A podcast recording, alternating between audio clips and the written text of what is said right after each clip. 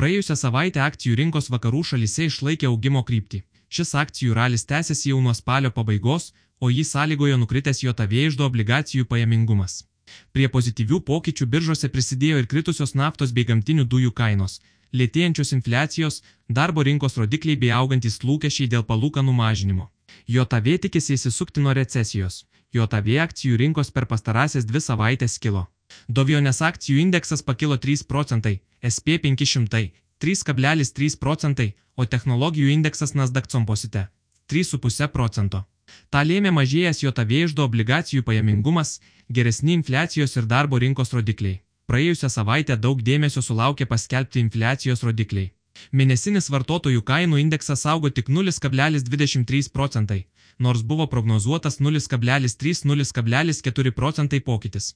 Tuo tarpu nekilnojamojo turto nuomos kainos per mėnesį sumažėjo iki 0,41 procento, naudotų automobilių 0,8 procentų, o lėktuvų bilietų 0,9 procento. Šie rodikliai svarbus JAV centriniam bankui FED siekiant suvaldyti ekonomiką sukeliant tik švelnų nusileidimą, o ne gilę recesiją. Pozityvumo rinkoms įpūtė ir paskelbti JAV darbo rinkos rodikliai, kurie rodo, kad užimtumas didėjo.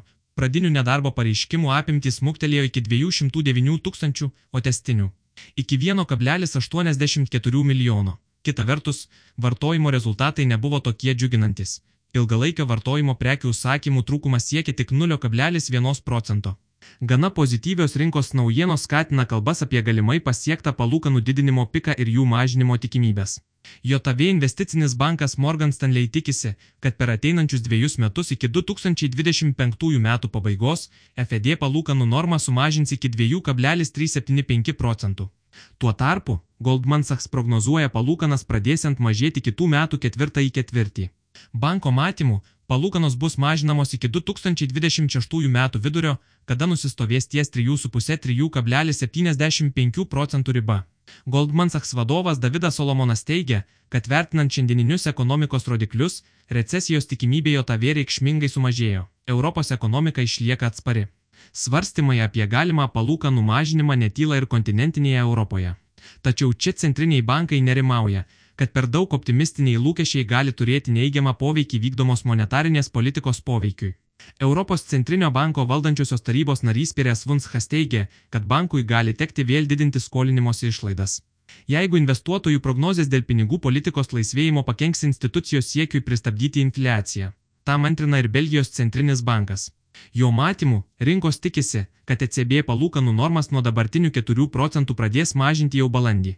Anot Belgijos banko vadovo, jeigu visi manys, kad palūkanos bus mažinamos, tuomet ribojanti pinigų politika nebeatliks savo funkcijos ir bankai bus priversti imtis papildomų priemonių infliacijai pažaboti.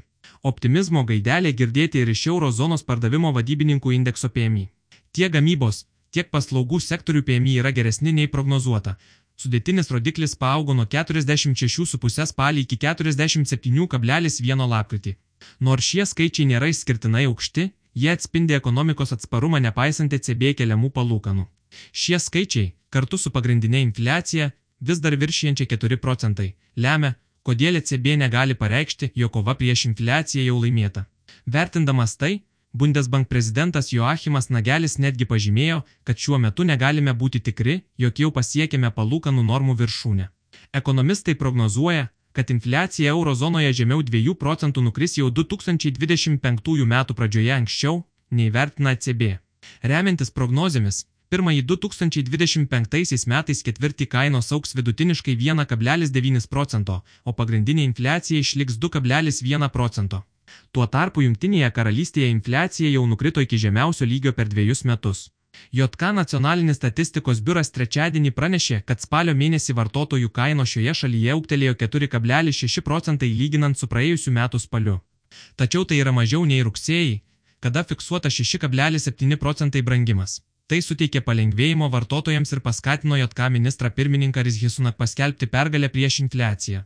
Jis buvo davęs pažadą jos augimą pažaboti per pus. Europos toks 600 akcijų indeksas penktadienio prekybą baigė 2,9 procentai aukščiau nei prieš dvi savaitės, Vokietijos DX indeksas kilo 4,4 procentai. Jungtinės karalystės FTSE 100 indeksas 1,7 procentai, o Baltijos OMX Baltic Benchmark fondas dviejų savaičių prekybą baigė praktiškai nepakitęs, vos 0,05 procentų aukščiau. Obligacijų rinkoje - augantys įmonių įsiskolinimai. Obligacijų rinkose praėjusią savaitę atgarsio sulaukė JOTV įmonių skolos. Modis Investor Service duomenimis, įmonių nevykdomų įsipareigojimų apimtys viršyje 5 procentus. Toks aukštas įsipareigojimų nevykdymo lygis paprastai būdingas taigiam ekonomikos sulėtėjimui ar nuosmukiui. Jis taip pat yra rekordinis nuo 2021 metų pirmojo pusmečio, kai įsipareigojimų nevykdymo bangą sukėlė COVID-19 pandemija. Tokios naujienos gali turėti neigiamą poveikį akcijų rinkai. JOTV dviejų metų obligacijų pajamingumas per paskutinės dvi savaitės nukrito 10 bazinių punktų ir siekė 4,92 procento. Dešimties metų obligacijų pajamingumas per laikotarpį nukrito 16 bazinių punktų iki 4,47 procento. Azijos akcijų rinkos demonstravo skirtingus rezultatus.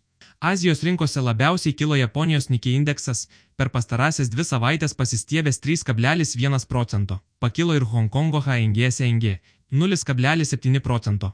Tuo tarpu Kinijos BLE HIPS CSI 300 indeksas nukrito 1,1 procento. Kinijoje vartotojų išlaidos spalį viršijo rezultatus.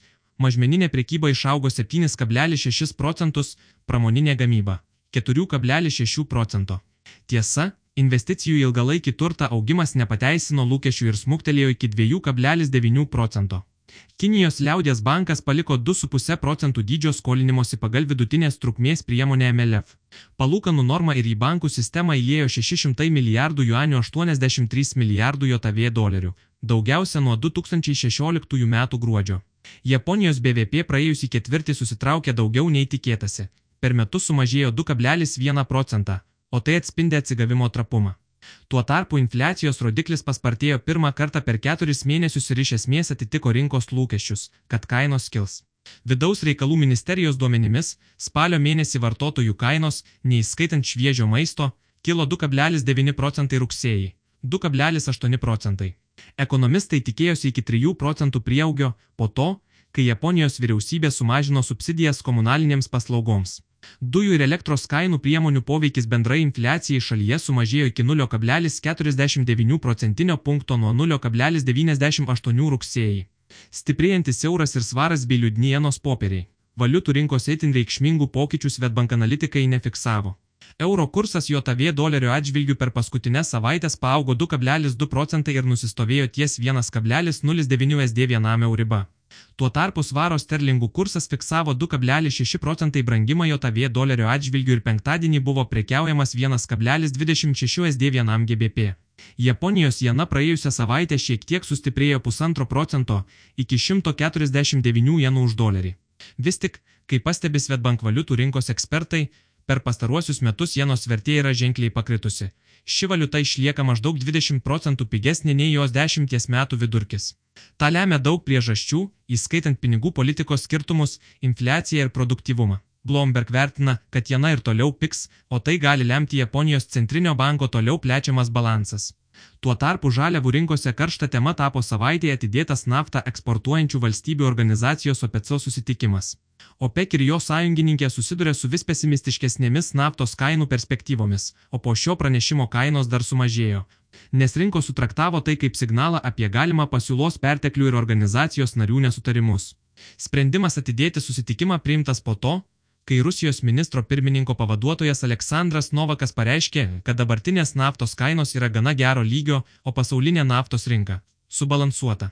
Nepaisant to, rinkos dalyvių manimų, Saudo Arabija sieks aukštesnių kainų ir greičiausiai paskatins kitas OPEC narės prisijungti prie naujausių gavybos mažinimo iniciatyvų. Brent naftos kainos per pastarąsias dvi savaitės buvo 2,3 procentai žemesnės ir siekia 80 USD už barelį. JAV WTI naftos kaina praėjusio penktadienio sesijos metu atpigo 3,3 procentai iki 75 dolerių.